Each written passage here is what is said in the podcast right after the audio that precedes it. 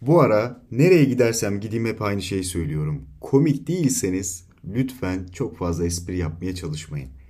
Ben lisede okurken sınıfta bir iki tane komik arkadaş vardı. Bak herkes muhabbet edebilir, herkes sohbet edebilir ama komiklik başka bir şey. Sizi dinleyenler çok zorlanıyorlar. Bunu unutmayın. Karşınızdaki kişi sahtekar bir biçimde gülmeye çalışıyor. Sürekli güldükçe acı çekiyor.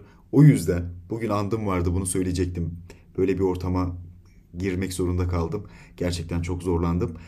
Lütfen komik değilseniz çok fazla şaka yapmaya çalışmayın. Eğer gerçekten mizahınıza güveniyorsanız şaka yapın. O zaman daha iyi olacak. Çünkü zaten buna gerek yok. Sizi insanların sevmesi için illa şakalaşmanıza gerek yok. Güzel güzel sohbetinizi edebilirsiniz. 5 dakikada diksiyon başlıyor. Efendim Instagram'da bir şey paylaşmıştım. Bu heyecanlanan arkadaşlar var değil mi? Belki sen de onlardan birisin. Topluluk önünde konuşurken eli ayağına dolaşanlara birkaç tane öneri vereceğim. Bunları hem daha detaylı bir biçimde incelemiş olacağız.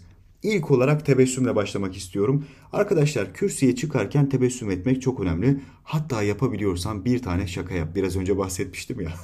Onun gibi değil. Gerçekten çalışılmış bir şaka yapabilirsin. İçinden gelen bir hikaye anlatabilirsin, bir fıkra anlatabilirsin. Ama daha başlangıçta bunu yaptığın zaman gerçekten herkes bir gevşiyor, seni sevmeye başlıyor. Sen de rahatlıyorsun. Daha iyi konuşmaya başlıyorsun. Bunu kesinlikle öneriyorum. Bunu yapabilirsin. Ağzınız kuruyacak. Önce ağızdan başlayacak, sonra gırtlağa kadar gidecek. Hatta diliniz bile yapışabilir, konuşamayabilirsiniz. Başıma geldi. Bir gün bir tiyatro oynadı. O kadar heyecanlandım ki karşımda hocam vardı. Onunla birlikte oynuyorduk. Dilim damağıma yapıştı gerçekten. Çektim gelmedi yani. Böyle boğulur gibi hissettim kendimi. Keşke öncesinde bir bardak su içseymişim. Bunu dememek için yanınızda bir bardak su bulunsun. Ilık bir çay da olur ama kahve olmaz. Bak bundan da bahsedelim. Kahve içmek arkadaşlar gerçekten sese zarar veren bir şey. Günde bir bardaktan fazla içmemek gerekiyor. Aynı zamanda eğer böyle bir konuşma yapacaksanız o gün hiç kahve içmeyin. Ben de bunu çok yapardım. Sonra çıkıp sesimin kısıldığını fark edince bir araştırma yaptım. En çok zarar veren sese içeceklerden biri kahvedir. Kahveden konuşma günü uzak duralım. Şöyle düşünün, konuşma günü geldi çattı. Artık sahneye çıkıp konuşacaksınız. Son 10 dakikanız ne yapmanız lazım? Eğer insanlarla hoş beş yaparsanız o ara ne olur? Konuşmanızı unutursunuz. Sahneye çıktığınız anda heyecan basar. Ya da sahneye bakıp böyle dimdik ah birazdan çıkacağım konuşacağım ne yapacağım diye düşünürseniz çıkıp yine heyecan yaparsınız. Peki ne yapacaksınız? Tek bir şey. Konuşmanızı tekrar edeceksiniz. Ve bunu gerçekten yapacaksınız. Heyecandan kaçmak için değil. Oturacaksınız bir yere. Son 10 dakika kala kimseyle konuşmayacaksınız. Duygularınızı başkalarına aktarmayın. Kendinize saklayın. Birazdan sahnede onlara ihtiyacınız olacak. Bol bol konuşmanızı tekrar edin.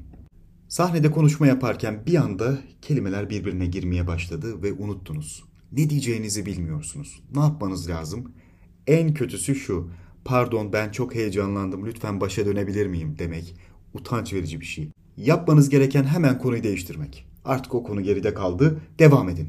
Kaldığınız yerden devam edin. Aklınıza ne gelirse oradan devam edin. Neden diyeceksiniz?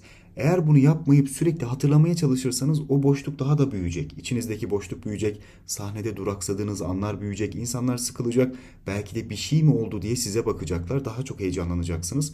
Yapmanız gereken hemen konuya atlayın. Başka bir konuya geçin. Mesela ben şimdi sıradakini hatırlamıyorsam hemen diğerine geçerim.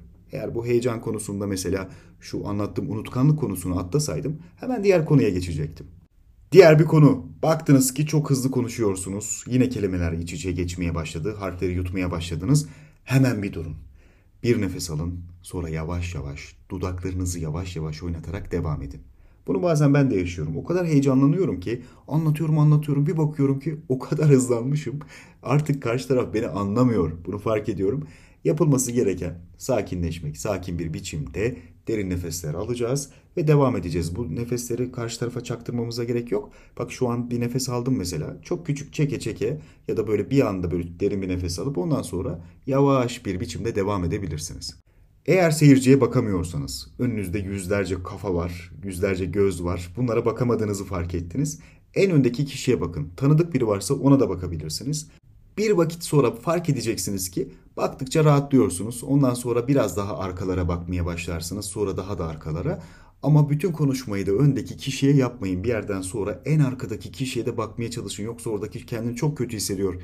Şöyle düşünün tiyatroya gitmişsinizdir. En arkada oturduğunuz zaman ve oyuncu hiç size bakmaz. Hep böyle öndeki kişilerle ilgilenirse bir yerden sonra sıkılıyoruz yahu. Sanki ikinci sınıf gibi hissediyoruz. O yüzden biraz heyecanın geçtikten sonra ufkun alabildiğince ötesine bakmaya çalış. Çok önemli bir maddeyle devam etmek istiyorum. Eğer ellerin titriyorsa, ayakların titriyorsa, mesela dizlerin çok titriyorsa hemen hareket etmen lazım. Ne de gezinmeye başla. Oraya git, buraya git, slayta dön, seyircilerin arasına karışabilirsin. Yani sadece yürü, konuşmaya devam et. Bir yandan yürü. Yürüdükçe kan dolaşımı artacak ve o titreme gittikçe azalacak. Ve en önemli maddeye geldik. Konuşma metnini okuma. Lütfen bunu yapma. Bazen zorunlu gittiğim davetler var. Kürsüye çıkan kişi önündeki kağıtları alıp kafasını da önüne eğip okumaya başlıyor ve hiç bize bakmadan, yerinden kıpırdamadan ya da bir slide bile açmadan sadece okuyor.